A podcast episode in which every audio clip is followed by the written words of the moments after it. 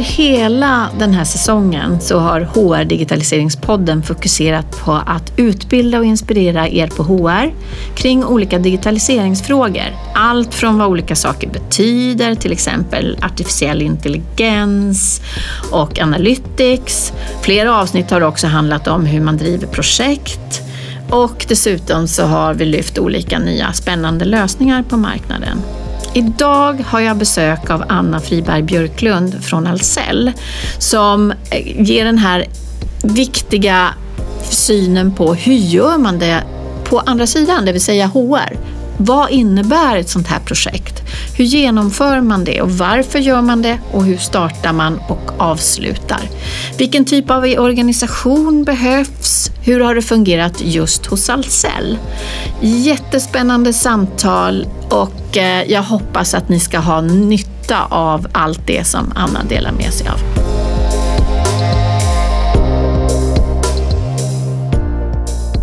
Vad kul! Ja. Välkommen hit Anna! Tack! Nu är det ju brinnande coronatid så jag tyckte det var lite skönt att få fokusera på det vanliga. Eh, någonting helt annat, det vill säga digitalisering av er verksamhet. Mm.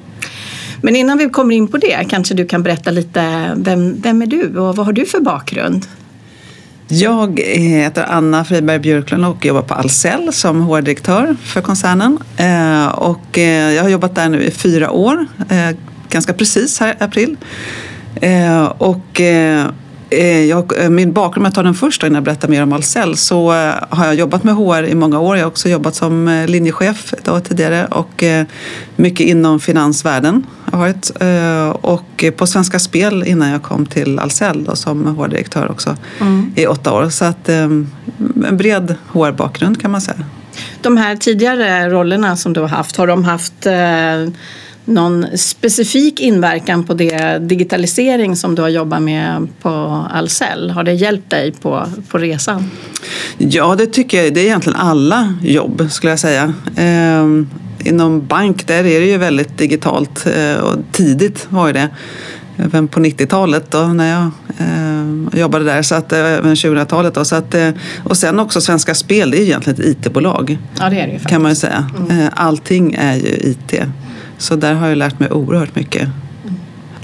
Kan du inte berätta lite grann om Ahlsell också för att eh, ge det här lite bakgrund och kontext mm, eh, som företag? Ja. ja. men det är ju någonting helt annat mot vad jag har varit tidigare då. Från att ha jobbat med saker som inte syns, inte går att ta på, möjligen en, en trisslott kanske. Men eh, finansiella tjänster och sådär som man inte kan ta på och jobba då ett, ett bolag som är otroligt fysiskt påtagligt. Mm. Vi säljer saker som hantverkare använder för att bygga hus eller renovera hus eller gräva i gator och lägga ner rör och, eh, och så. Så att eh, vi är ju som man ska jämföra, vi jobbar ju bara med proffs då, och, så att det är ungefär som Kora fast för proffs. Då. Mm. Eh, och eh, Ahlsell är ett stort bolag, finns i eh, Norden och några länder utanför Polen, Estland och Ryssland men mycket mindre verksamheter. Vi är 5 700 anställda idag mm. och 65 procent av dem jobbar med sälj. Och resten jobbar egentligen med logistik och, och sen har vi väldigt små staber. Och det är en väldigt signifikativ sak för Ahlsell egentligen att vi har mycket beslutsfattande långt ut i organisationen.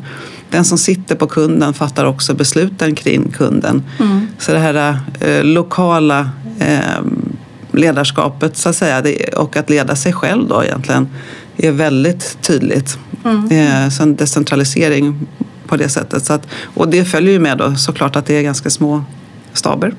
Men hur, eh, hur ser de här enheterna, alltså hur, hur mycket folk, är det, är det, hur många platser är det som ni finns på? Eh, ja, vi finns ju rikstäckande i Sverige, Norge, Finland och i, till viss del i Danmark. Då. Så mm. att, vi har ju över 200 butiker exempelvis, tre stora lager supermoderna, till stor del automatiserade lager mm. som spottar ut grejer mm. varje dag. Ja, men hur eh, hamnade du på Ahlsell?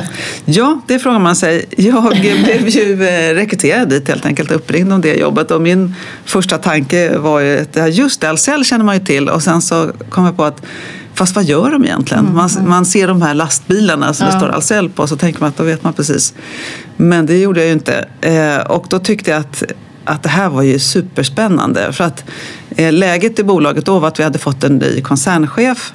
Eh, han hade då satt fast en ny strategi för bolaget som var superambitiös eh, och insåg att utan bättre kompetens och ett tydligare ledarskap så kommer det här inte funka. Mm. Man hade då alltså aldrig haft HR, en HR-chef för Ahlsell. Eh, definitivt inte i koncernledningen och inte egentligen i länderna heller. Nej. Det var mera kanske lönechefer mm. som man hade med lite arbetsrättskunskap. Så, så att det var inget sammanhållet. Så att mitt uppdrag blev då att eh, bygga upp HR eh, från grunden mm. eh, och nordiskt. Eh, och så fick jag då eh, med en plats i koncernledningen då, som inte var första gången en HR då, utan första gången en kvinna måste man ju tillägga. Då. Jaha, mm. ja. Så nu, nu är i alla fall två kvinnor. Ja, vad bra. Jag tänkte jag, ställa, jag skulle fråga dig, hur ser det ut i fördelningen? Ja, ja, det är ju en mansdominerad bransch naturligtvis ja. på grund av att kunderna är ju, det är väldigt mycket män då. Så att, ja. eh, då speglar ju det. Mm. Så, men det har blivit mycket bättre faktiskt de senaste åren. Vi har satsat mycket på att, att locka kvinnor. Så att, mm. eh, det är väldigt, väldigt roligt. Men vi vill, vill ju bli ännu bättre på det såklart. Mm. Men när du börjar då, då innebär det att jag menar det, om man, då har man en viss syn också på vad HR var i, i bolaget. Eh, vad, vad, började du då, om du skulle nu förändra hela det här? Mm. Vad gjorde du först? Ja, men, och jag tänkte precis som du, att nu kommer man tycka liksom att hej, här kommer en kostnadsbärare bara och mm. ingen som drar in pengar. Men det blev precis tvärtom. Det visade sig att eh, cheferna hade ju ett jättestort behov av hjälp från HR med eh, ja, alltså allting ifrån att diskutera personal, alltså ärenden till eh, eh, se över deras struktur i organisationen, eh, skapa mer effektiva team, alltså vad du vill. Så att efterfrågan har ju varit väldigt hög sedan dag ett. Men jag tänkte verkligen på det här när jag började. Så vad ska jag göra liksom som blir ett, ett avstamp eller kanske ja, någonting som märks och syns då? Mm. Eh, och när jag fick det här jobbet så, och kom då igen, återigen då från ett, liksom ett mer eller mindre IT-bolag så upptäckte jag då Ahlsells intranät eh, och tänkte att det här ska jag ju använda då som min kanal här. Och Alltså det var något så fantastiskt ålderstiget så att jag tänkte det här kan ju aldrig någon människa läsa för det fanns nyheter som, på första sidan som var flera år gamla. Mm. Så då sa jag det till min chef att jag, jag tycker att jag tar intern kommunikation också eh, som mitt ansvar. Ja, visst. Eh, och sen så bytte jag ut intranätet. Eh, för det insåg jag ganska snabbt att om inte vi har det på plats, alltså en, en kanal för kommunikation, mm. så kommer det här bli väldigt, väldigt svårt eh, att vara runt till alla hela tiden. Ehm, så jag började med det faktiskt och det var ju otroligt smart. Eh, inser jag ju efteråt då att mm. det var en stor efterfrågan på det också. Eh, och den andra saken som jag gjorde direkt det var då att ta fram en ny värdegrund, vilket också var stor mm. efterfrågan på. Så att det blev en väldigt bra start mm. tillsammans med att rekrytera upp då HR i hela Norden. Men hur såg HR hur såg HR-organisationen ut när du kom dit då? Du sa mm. att man, det var mest löne... Alltså. Ja, men det var ju det. Eh, vi hade, ja, det var mycket väldigt duktiga HR-administratörer. Eller, mm. Det hette personalavdelningen eh, till exempel. Eh, lönechefen var väl liksom den som var den tydligaste som kunde i alla fall arbetsrätt. Då. Eh, Norge hade lite mera uppbyggt sen tidigare men det fanns ingenting som höll ihop HR på liksom, totalen på koncernnivå. Nej. Utan alla jobbade på de uppdragen man fick då från respektive verksamhet. Så det var eh, ja, det var olika processer, eh, mm. inte bara i, mellan länderna utan inom länderna också. För man gjorde på olika sätt. Alltså i, i brist på att någon som kan hjälpa en så får man ju lösa det själv. Ja, precis. Eh, och jag hittade jätteroliga saker. Bland annat så var det en chef som hade byggt upp sitt eget talangprogram. Ja. och så men gud hur gick det? Ja, det gör jag aldrig om igen. Så jag, jag kunde inte ägna mig åt affären nästan någonting. För att när jag hade gjort det här talangprogrammet då, och det var ju jättemycket jobb bara med det så kom jag i rekylen mm. efter och sa okej, vad händer nu? Mm. Eh, så jag sa, jag förstår det. Ja, det, det är ju ganska mycket att ta hand om. Ja, fruktansvärt mycket. Så det, eh, men det finns ju fördelar med det också, att chefer tar ansvar och så. Eh, men det var ju inget sammanhållet så att väldigt ineffektivt på det sättet. Ja, ja. skulle jag säga. Så du började med intranätet? Mm, och, och värdegrunden, ja, ja. precis. Mm. Och hur implementerade du det? Vad, hur sattes det igång helt enkelt? Eh, hur, hur fick du ut det i verksamheten? Ja, och det är ju så här intressant med, återigen Ahlsell. Eh, man får liksom hela tiden frågan, så här, okej, okay, Eh, det här, inte först liksom att du får massa resurser och så, mm. för att göra, utan du får bevisa först. Mm. Så att jag visste ju att nu måste jag bevisa att det här med eh, intranät och intern kommunikation är en, en bra sak. Eh, så jag fick faktiskt anställa en intern kommunikationschef. Men jag sa till henne att du får faktiskt fixa det här på nordisk nivå själv. Och då får vi tänka till, hur gör vi det här på ett bra sätt? Ja, då byggde vi upp eh, så vi har redaktörer i varje enhet ute i hela organisationen. Och all, det var ju en del oro kring det. Hur, hur kommer det bli? Kommer liksom folk göra liksom hur som helst? Vi skapade en, en, en, struktur men sen så fick de fylla det med innehåll.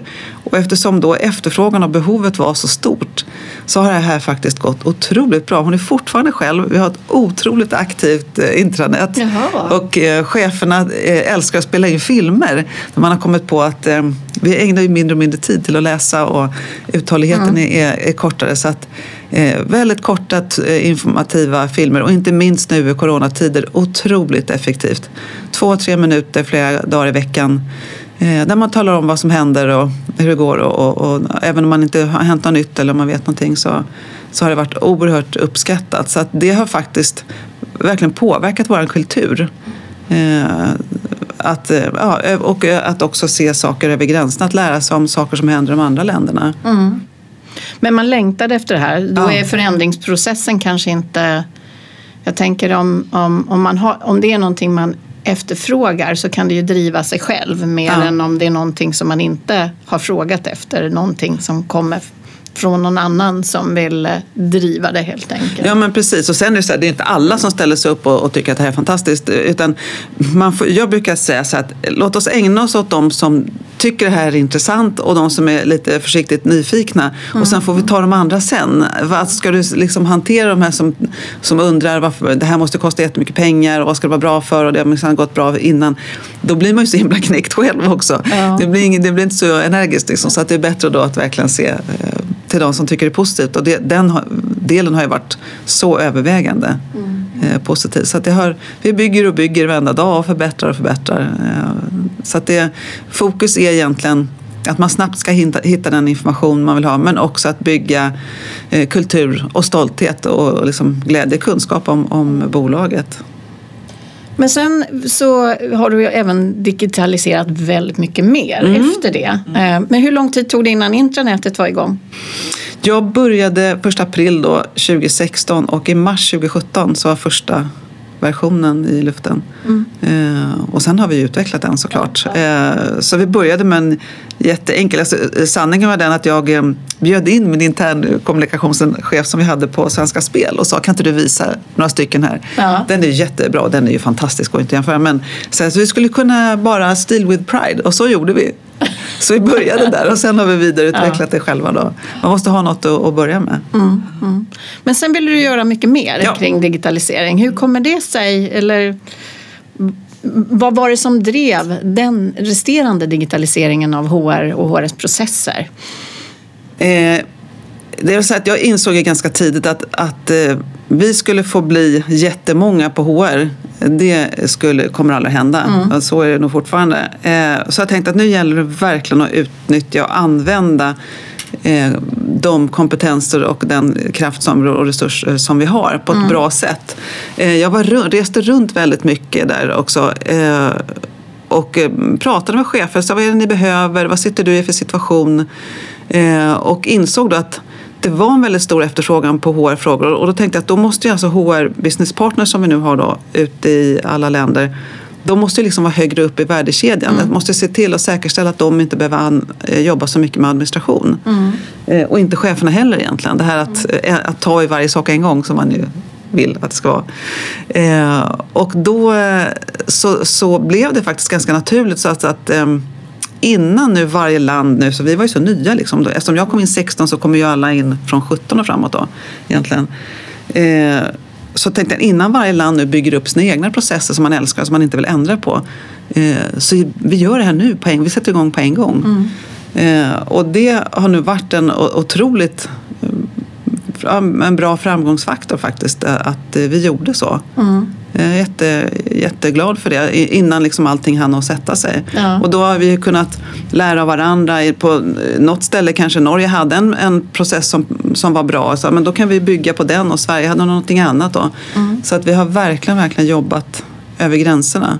Så egentligen var det att få ihop liksom verksamheten och Ja. få en, en enhetliga processer och eh, lyfta i värdekedjan. Var det det som var strategi, eller vad heter det, fokuset för att kunna få göra en digitalisering?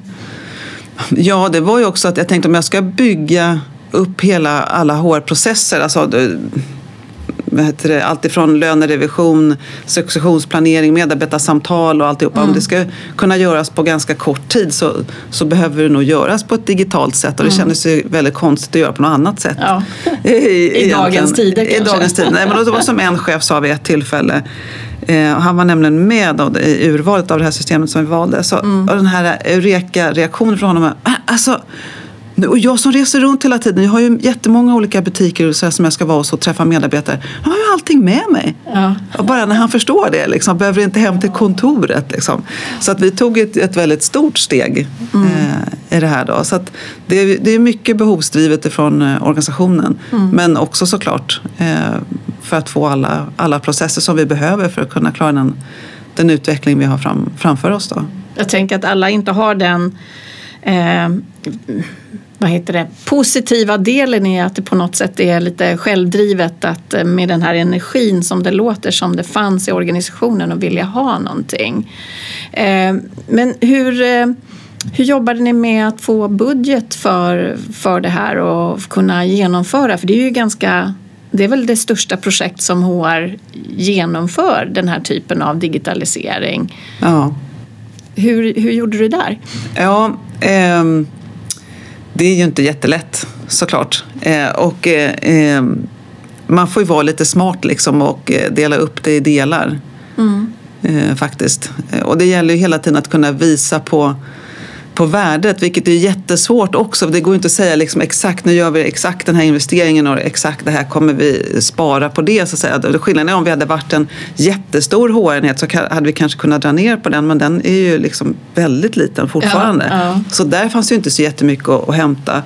Eh, Däremot kan jag se att det har ju bidragit till att vi kan eh, komma just högre upp i värdekedjan. Sen så ska jag ju tillägga, vi är ju inte färdiga än. Vi har inte kommit ut på andra sidan än med vårt eh, system. Så det är, fortfarande pågående. Men det vi ser eh, hittills är ju väldigt positivt.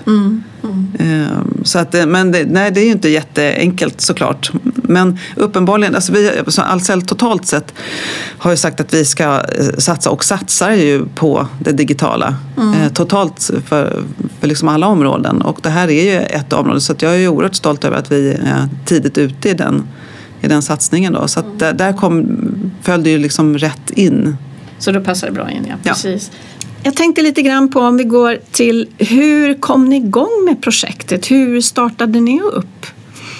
Jag, jag förstod ju då tidigt, eftersom vi då är så få eh, på HR, eh, att eh, jag behöver ta hjälp till det här. Eh, vi ville göra då en, en eh, analys först av vad är det vi behöver för någonting och vad, vad skulle målet med det, med det här vara.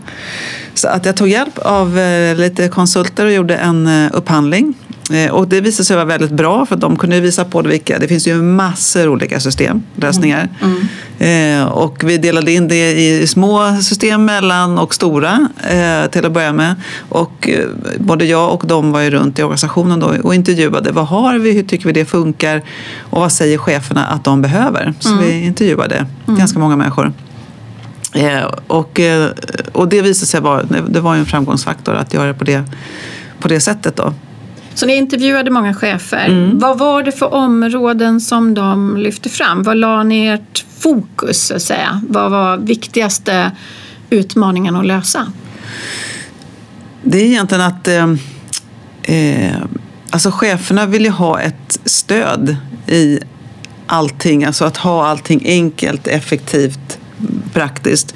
Allt ifrån att ha sina medarbetarsamtal samlade så man kan följa upp dem och se mål och, och eh, följa upp över tid till att ha koll på um, hur många man, alltså numerär och, och FTE-utveckling och alltihopa, hela, hela analytics-biten egentligen då, som ju man, frågar man en chef nu när man inte har jobbat jättemycket med det så blir det ju väldigt basic. där finns det ju naturligtvis en, en tanke framåt hur vi ska göra det. Men det var mycket det liksom som, som kom upp kring det, det som är det dagliga ledarskapet. Mm, mm.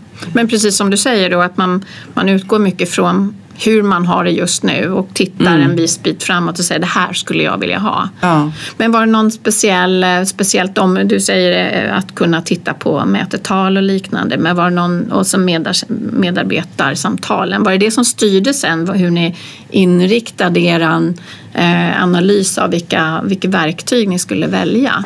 Ja, det kan man väl säga. Det är klart att sen hade vi ju egna ambitioner med liksom hur man ska kunna ta det här till, till nästa steg. Så att, mm för oss var en väldigt viktig parameter redan från början det är att, eh, att vi skulle kunna växa med systemet. Mm. För jag förstod att om man aldrig har haft HR på plats på det sättet och nu plötsligt får det, så det är klart, då kommer ju önskan att utveckla sig. Du vet, så fort man ja. du får en telefon och sen så det kunde du aldrig drömma om att du skulle ha en sån tills det finns, ja, men du vet, så utvecklas man vidare. Då. Så att för mig var det jätteviktigt att det måste vara ett system som har en teknisk plattform som gör att vi kan utvecklas vidare mm. med den här, den här lösningen. Mm. Så hur började ni? Eh, du sa att ni gjorde ju då en, ett arbete tillsammans med ett antal konsulter, titta på och ställa mycket frågor ut i organisationen för att kunna sen göra ett urval. Mm. Hur landade ni där ni... Ja, och då eh, konstaterade vi ganska snabbt att de här små systemen som är jättebra på alla sätt och vis, men då konstaterade att de, de passar inte oss vad det gäller att kunna eh, växa i framtiden. Och de stora systemen då, eh, jag har ju en gång i en bank jobbat med implementering av, av PeopleSoft och kände väl att kanske att det blir väldigt stort alltså, och mm. omfattande och det kändes inte så lockande då. Eh, och jag hade också det här med tiden var en viktig faktor. Det får inte ta för lång tid helt enkelt. Så att vi inriktade oss på de här mellanstora bolagen och, och det blev svårt nog ändå. Det finns ju jättemånga där och då gjorde vi så att vi bjöd in eh, ett antal eh, och så fick de under en halv dag visa vad de gick för. Och då eh, bjöd vi in både chefer och IT och HR som fick sitta då och utifrån olika parametrar bedöma de här. Och vi tittade då på olika saker för att vi kommer från olika håll och mm. det var oerhört nyttigt.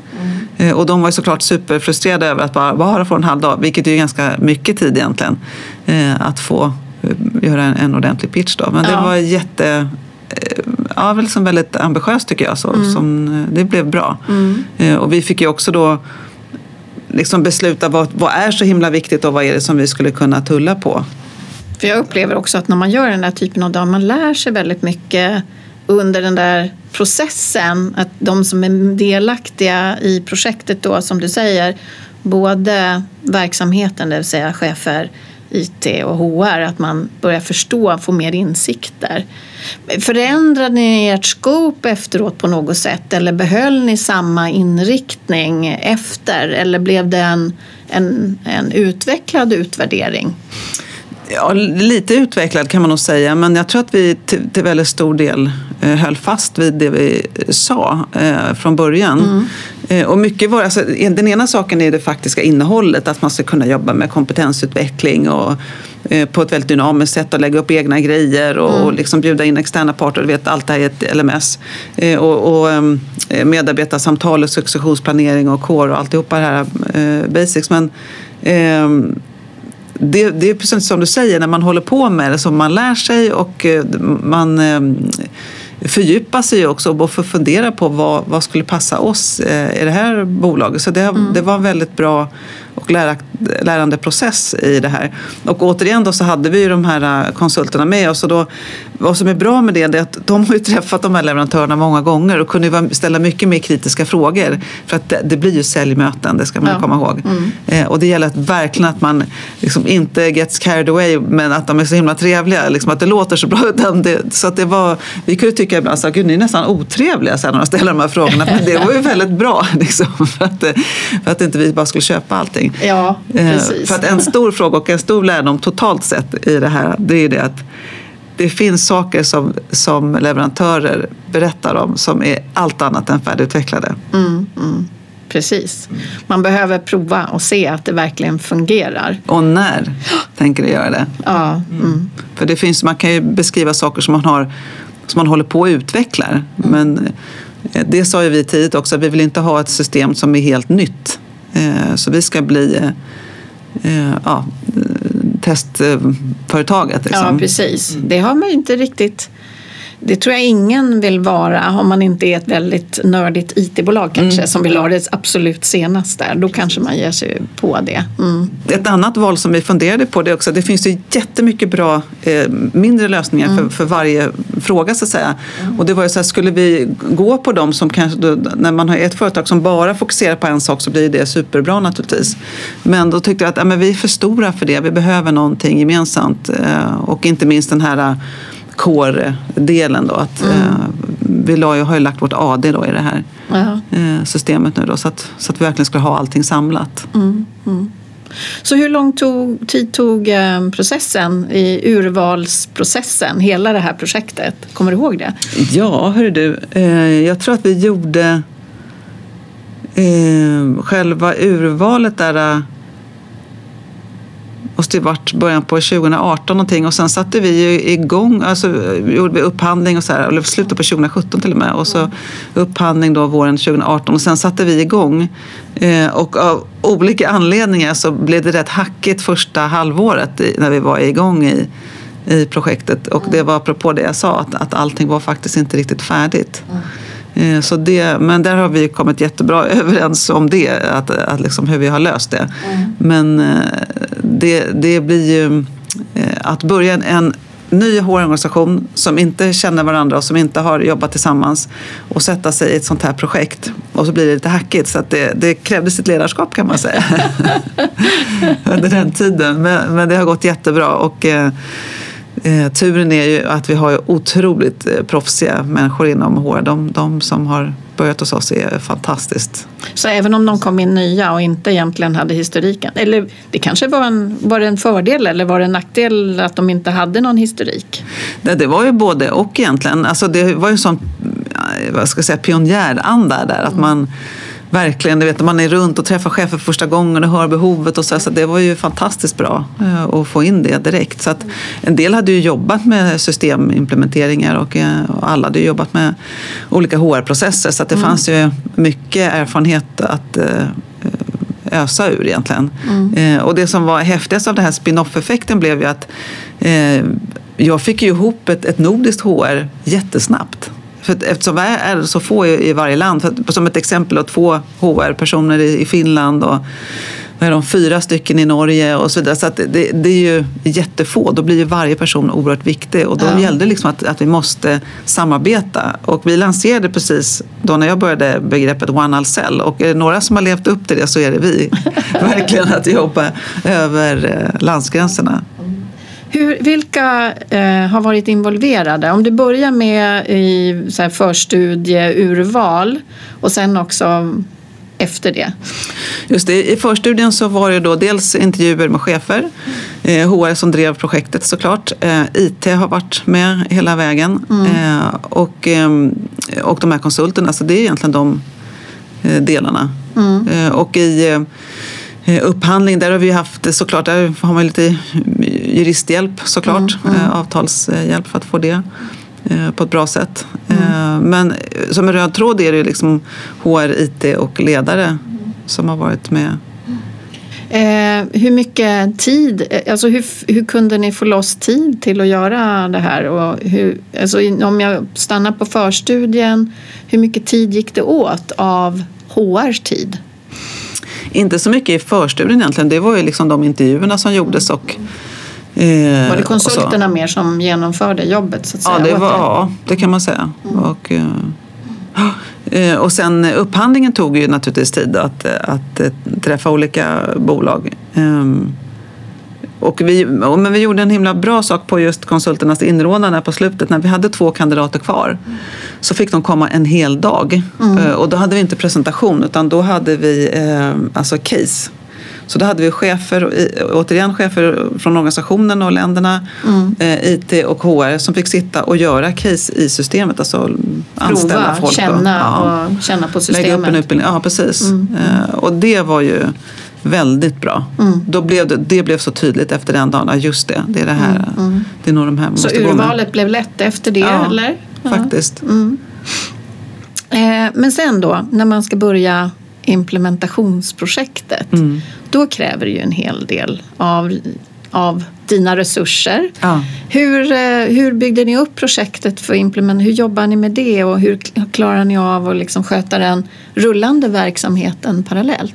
Ja, ibland är det bra att man inte vet saker i förskott. Eh, för det har naturligtvis nu berättar ju vi för alla. ja, exakt. Det tar mycket mer tid än vad man tror. Eh, men vi har ju jobbat så att vi har tagit fram som business process owners då, liksom för varje modul. Mm. Dels en eh, liksom om man börjar på den nivån då, en för, för landet och sen en för hela eh, organisationen. Eh, och sen har vi haft våran eh, projektgrupp mm. Eh, och sen så liksom styrgrupp och en HR advisory board då, som har eh, lett det här. Och sen har vi haft en, en projektledare, en projektkoordinator slash teknisk utvecklare kan man säga. Mm. Eh, och en som har jobbat med integrationsfrågor mm. eh, också eh, som ett team. Då. Mm. Så att det, det, har, det har funkat bra. Men sen den här frågan på liksom, hur börjar man? Det är en jättelärdom när man har den situationen som vi hade då, att inte folk kände varandra. Mm. Eh, och man inte kände till varandras processer. Eh, när man sätter sig i en sån första workshop med mm. företaget då är det som bam, då börjar man ju direkt att bygga. Och då blev det så här, oj. Eh, då insåg vi att här, vi hade behövt göra ett förarbete där såklart. Att diskutera mera, eh, berätta mer om, om varandra, våra mm. processer kanske lite mer. Eh, så att det, det liksom, ja, vi fick backa lite sådär och, och göra om. Ehm, så det, det är ju en, en, klar... För att koordinera er själva, att ni inte ja. var helt koordinerade. Vad vill vi egentligen? Ja, men, det här, ja men precis. Och vad är min roll och vad är din roll och hur kommer det här gå till? Liksom? Mm. Och, mm. eh, det vi bestämde dock innan var att vi kommer inte att sätta oss och jobba med våra processer innan systemet utan de löser vi eh, när vi mm. bygger systemet. Mm. Och det tycker jag fortfarande var ett väldigt bra sätt. Mm. För att annars, det, vet inte om man har någon som hör det här, så någon som jobbar med att utveckla processer, det är inte jättespännande. Liksom. Det tar ganska mycket tid att bli så här. Så det, var, det var bra liksom. det, var, och det har varit roligt liksom, att bygga det i Då blir det rakt in i systemet och så ja. får man eh, testa helt enkelt och se funkar det här eller är det någonting vi saknar och så vidare. Ja, och det blev mycket argumentationer då såklart och då kunde mm. det bli så att ja, men lagstiftningen i Finland ser ut så här så då måste vi göra på det här sättet. Mm. Så att sådana äh, saker, men till slut så, så blev det faktiskt väldigt bra. Mm, mm. Hur mycket, som jag tror jag frågade, var ju just det här med tidsåtgång. Mm. Du, visste du hur mycket tiden skulle gå att, eh, innan? Hade du gjort en föreställning hur mycket resurser och tid internt som skulle gå för det här? Jo, men det, det tror jag nog. Jag tror att det vi alla kanske misstog oss på det är att du sätter ju upp ett antal eh, workshops då. Mm. Ja, nu är det två där, där och två där, där och så här. Men det är ju ett sånt arbete som behöver göras emellan. Mm. Och det har varit en utmaning. Mm. Att få tid att, att testa, att liksom sätta upp grejer och att, att, att göra sina hemläxor emellan. Mm. Eh, och där hade vi nog kunnat bli tydligare mm. från början. Mm. Att det, den tiden måste man ta helt enkelt. Och hur tar man den? Vad tycker du? Har, du, har, har ni löst den på något specifikt sätt eller är det bara att det får bara lösa sig? Man får skjuta ja. upp andra projekt? Ja, eller? precis. Att, att inte starta upp andra stora grejer, det orkar man inte liksom, om, om det är samma personer som ska göra det. Mm. Eh, därför att det är ju så med, med HR-uppdrag att det händer ju alltid saker. Ja. Rätt vad det är. Och då kan du inte ligga på max eh, från början. Eh, för risken är då att, att en sån här sak att man liksom hafsar över då. Och det, det här systemet ska vi leva med. Så att det måste ju verkligen vara väl gjort. Mm. Mm. Vilka områden började ni med? Vilka, vilka processer började ni jobba med? Började ni med masterdatadel eller började ni med med någonting annat? Vi började faktiskt med masterdata-delen trots rekommendation att inte göra det. Jaha. Jag kan fortfarande inte fatta hur det annars skulle fungera faktiskt. Nej. Men mitt i den, när vi höll på med den, så kom ju lönerevisionen. Ja. Eh, så då var vi tvungna att bryta in den mitt i det. Eh, och då blev ju lönerevisionen blev det första som cheferna såg. Mm. Och, och, det var också en sån här sak, eh, lärdom att himla smart grej. För det blir mycket det här att man pratar om att det här systemet, det här systemet, och så tycker folk som gud, ni har pratat om det här jättelänge, liksom, kommer, det, kommer det inte snart och händer inget, vad gör ni egentligen? Och det blev då ett en liksom praktiskt påtagligt exempel på vad vi gjorde. Och i Ahlsell i alla fall så har vi då under alla år jobbat med eh, Excel vad gäller mm. lönerevision. Eh, och det är ju inte särskilt GDPR-vänligt till att börja med. Nej. Det, tar, eh, det är ju jättestor risk för fel eh, och det är en administration utan dess like då, att skicka fram och tillbaka och jämföra och sätta ihop och klippa och klistra och sådär. Så att det, var, det var väldigt häftigt faktiskt den reaktionen som blev. Det var ju superenkelt då. Där får man, fick man alla sina anställda, man kan kunna laborera liksom, och rakt in i systemet och sen när jag är färdig så bara klick så, så skickar jag det till farfar Ja. eh, eller farmor som då ska godkänna det. Och det var ju fantastiskt. Eh, så att det blev en väldigt bra start för oss. Då. Så att då hade vi liksom ett en positiv buy-in. Ja.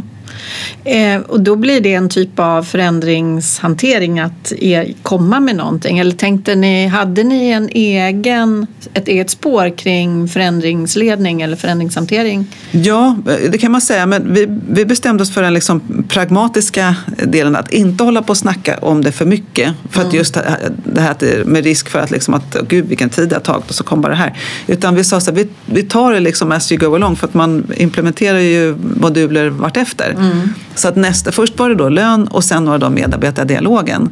Och det blev vi också, då, liksom, vi informerade såklart på intranätet, vi var ju ute i ledningsgrupper och beskrev om det här. Eh, Och vi hade webinars i alla länder på alla språk. Eh, Och det blev väldigt bra. Det var ju naturligtvis så, någonting som man har gjort tidigare fast inte på det här sättet. Att nu har man det samlat och, och man förbereder sig in i samma system, chef och medarbetare och så vidare. Och det vart ju också väldigt, väldigt väl mottaget. Vi ser ju en, en väldigt hög användning utav eh, samtalen. Mm, mm. Så egentligen att inte säga så mycket förrän man egentligen kan bli mer konkret då för den större organisationen. Ja. Och lönerevisionen, det är ju ledarna, då var det cheferna som var målgruppen Ja. och sen när samtalen kom då kunde ni involvera alla så att säga, Exakt. alla medarbetare också. För jag antar att medarbetarna själva då är, är delaktiga i och använder systemet Ja. allihopa. Absolut, de, kan, de går in och lägger in sitt CV och de eh, jobbar med sitt medarbetarsamtal.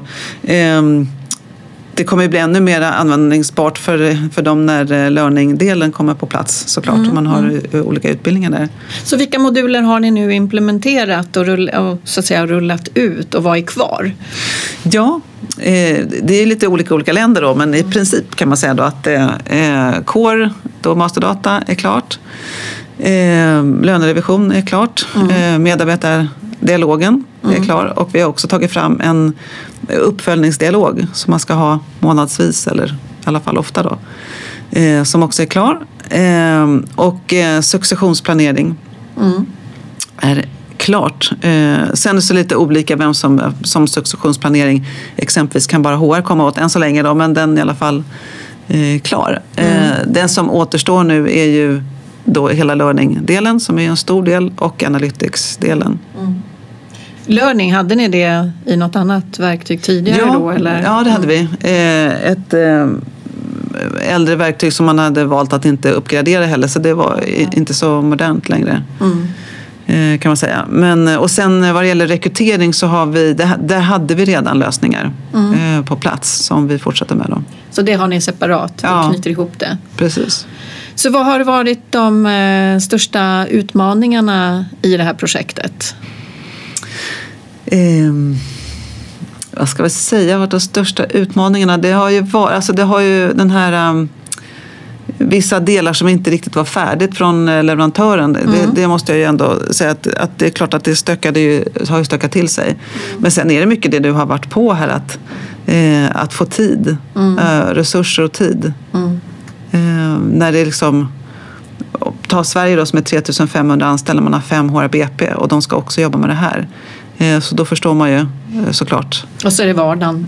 Ja men verkligen och det Ja. händer ju tusen grejer och alltihopa där. Så att, eh, och våran eh, lönechef i Sverige liksom har ju varit otroligt engagerad. Så att, ja, man har lagt jättemycket tid på det här såklart. Då. Eh, Så att det finns ju många lärdomar. Och jag har en del, det är lätt att bara gå på det som har varit jobbigt. Det är mycket positiva lärdomar. Verkligen. Eh, allt ifrån hur HR har lyckats eh, hitta varandra, eh, utveckla idéer ihop, benchmarka eh, och finna lösningar eh, på sånt som verkar svårt. Och man hjälper varandra. Det har varit helt fantastiskt. Och det har ju faktiskt satt HR på kartan i organisationen också. Eh, att det faktiskt händer någonting, att det blir påtagliga resultat av det här. Då. Eh, jag tänkte på, du pratade i början om att ni hade tagit fram en värdegrund och, och eh, som ni har, har, har det blivit påverkat av det här också? Alltså har det varit eh, värdefullt i projektet att ni gjorde det först? Eller vad tänker du, hur hänger det ihop med själva digitaliseringen? Ja, men det har verkligen eh, bra att du tar upp det, för att det har varit eh, vägledande skulle jag säga. Vi har ju då ansvar, öppenhet och enkelhet och då kan ju, kan jag tyckas då som väldigt enkelt sätt att uttrycka sig på. Men mm. det har varit vägledande. Vi vill att cheferna ska kunna ta ansvar. Mm. Vi vill vara öppna med så mycket information som vi kan. Eh, och vill, vill att det ska vara enkelt. Så det har mm. varit helt vägledande i, från början när vi gjorde urvalet. Ja. Eh, faktiskt. Så att det, det, var en väldigt viktig del att det skulle också vara ett enkelt interface och enkelt att jobba med. Mm. Vad bra. Eh, sen tänker jag på, apropå det här med utmaningar, det som jag ofta hör det är ju kring integrationer, alltså hur man får till det här med kopplingar till ett, ett HR-system eh, till lönesystem, lönedata. Hur har ni valt att göra där? Har ni eh, flytt, har ni integrerat till lönesystem eller ligger det separat eh, och ni bara föder in information? Hur har ni tänkt? Ja, vi, vi bestämde oss för att det här systemet det är AD, liksom Active Directory, så det, här, det är härifrån det utgår. Tidigare har det varit då lönesystemen så det måste ja. ju då födas in såklart från lönesystemen. Men vi har, det, här är ju, det här systemet har ju inte ens det, lön Nej. som en feature. Det, och det, då, då, I sådana fall får du gå på de här jättestora och det, och det vill vi inte. Utan det ser så olika ut så att eh, vi har kopplat ihop nu med, med alla lönesystem så att eh, informationen kommer därifrån. Och så skickar ni tillbaks ja. helt enkelt. Ja. Eh, men det är, vem är, vilket är det som är... Man brukar prata om det här med master och slav. Vet du vad, hur ni har strukturerat ja, det? det här, uh, My Toolbox som vi kallar det för, det är master. Mm. Nej, det var bara viktiga sådana här frågor som dyker upp ofta. Verkligen, och det, det är så kul att bara svischa förbi den här frågan. Det har ju varit den enskilt största Eh, alltså det som har tagit mest tid. Jag gissade det, men så jag ville lyfta upp det. Det här med dataöverföring, att hitta eh, hur det ska fungera. Men är det IT som har jobbat med den delen eller är det en kombination av, av resurser? Det är en, en kombination, eh, men definitivt IT som har varit eh, verkligen ledande i det här. Eh, och det är verkligen mitt tips till alla att ta absolut med IT mm. från dag ett. Mm. Eh, därför att man kan, eh, det kan bli jättetokigt. Mm. Eh, annars, och med all respekt, liksom, med HR, det är ju inte vår eh, kompetens. Eh, och behöv, ja, helt enkelt. Så att jag tycker verkligen... Och se till att ha integrationskompetens. Mm. Vi visste direkt, det kollade vi precis i början, har vi det integrationskompetens i? Nej, det har vi inte. Okej, okay, då får vi ta in det. Har ni fått rekrytera nya resurser eller har ni hyrt in det ni har behövt? Ja, just det har vi, det har vi tagit eh, konsulthjälp då. Mm. Um, så att eh, det har varit toppenbra som bara jobbar med den här typen av integrationer. Ja. Så det har ju varit väldigt hjälpsamt. Mm. Hur ser er organisation ut nu? Har ni behövt eh, ta in eller organisera om er utifrån att ni från att ha jobbat på tidigare sätt? Jag vet ju, ni har ju organiserat om er generellt för att ni skapar en annan typ av HR men det har systemet i sig och hur man driftar det nu för tiden påverkat organisationen och resurserna som ni har i HR-teamet? Eh, nej, inte ännu i alla fall. Nej. Eh, har inte det. Eh, vi får väl se om det mm kommer att förändras. Så vem äger systemet? HR? Är det någon som är så att säga systemansvarig? Har ni lagt in någon av HR business partner-rollerna? Ja. Äga mm. det här och krav på förändringar och lite sådana saker? Precis. Alltså, totalt sett så är jag ju naturligtvis ansvarig för eh, systemet. Mm. Eh, men vi har ju också en eh, förvaltningsledare som som ansvarar för liksom den dagliga utvecklingen så att säga, mm, utav, mm. utav systemet. Då, då. Så att, eh, och sen så jobbar vi då med såna här business process owners för, för respektive modul på landsnivå och för eh, Norden. Mm. Eh, så att det, det är så setupen är då. Och är det då samma, om man tänker den som är rekryteringsansvarig, är det den som också äger systemet, alltså att jag skapar de förändringar eller begära de förändringarna som man vill ha. Om nu ni har gjort ett upplägg för rekryteringsprocessen och sen när man har kört den ett tag så behöver man göra lite tweaks och lite fix eh, för att man ser att man vill göra lite annorlunda. Är det den som äger är beställare och sen har ni, tar ni in konsulter som utförare eller hur fungerar det? Ja, eh, det vet vi inte riktigt än. Men, nej, vi är inte riktigt klara på nej, det sättet precis, kanske. Men jag tänker så här att vi, om, man, om man har då en ansvarig exempelvis då eh, för learning, säger vi då, för totalen som då jobbar med sitt team eh, som är nordiskt och så kommer man fram till där, vad, vad skulle vi vilja utveckla mm. och förändra? Eh, och det är ju stort och smått naturligtvis om vartannat. Och, och sen så jobbar man med den här för, förvaltningsledaren då som som vi sen ställer, vi ställer krav på leverantören. Och det, man måste ju alltid göra någon, någon prioritering då naturligtvis i vad vi vill göra och mm. vad, ja, på vilket sätt och så vidare. Så det, det är så som, det, som tanken är. Då, Och vi, eh, sen har vi ju team då hos eh, leverantören som, eh, där man ja, skickar in sina önskemål mm, mm. och som vi jobbar med. Då. Och eh, som egentligen som jag har som min sista fråga här det är ju lite grann vad, vad kommer nu framtiden? Nu har ni ju LMS kvar ja. och det ska, när ska det komma igång? Eh, det, vi håller på med det just nu och eh, det kommer öppnas för HR här precis innan eh, ja, juni någonting mm. och för chefer i augusti. Mm. Spännande. Ja, jättespännande. Så det får vi ju bygga över tid. Och sen har vi Analytics-delen också som är kvar. Mm. Mm. Och jag tror att det är två väldigt viktiga områden. Dels mm. som vi har nu sagt att vi behöver satsa på kompetensutveckling. Det går mycket fortare, man har mindre tid eh, att lägga på det. Vi måste hitta mer effektiva sätt att jobba mm. med kompetensutveckling.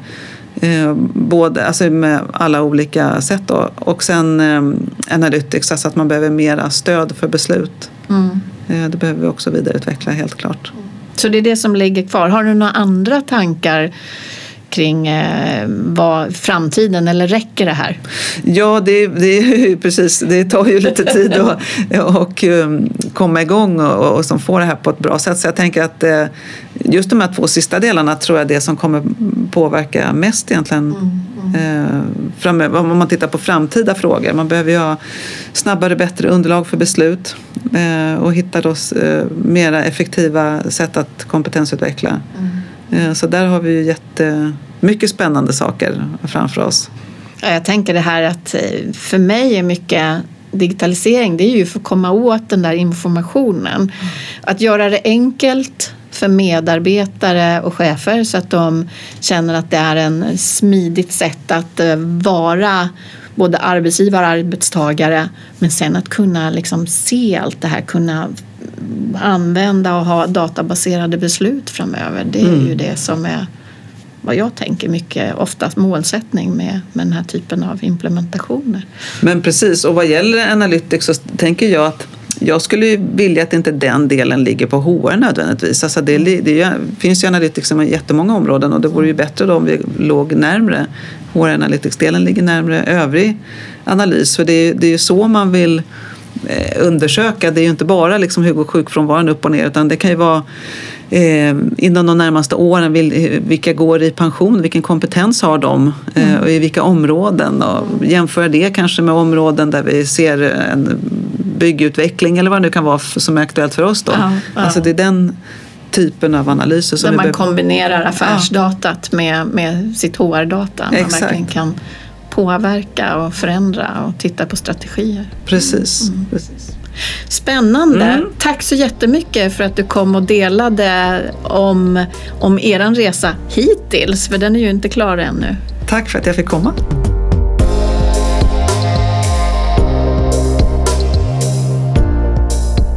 Vad kul att du ville lyssna på det här avsnittet av HR Digitaliseringspodden.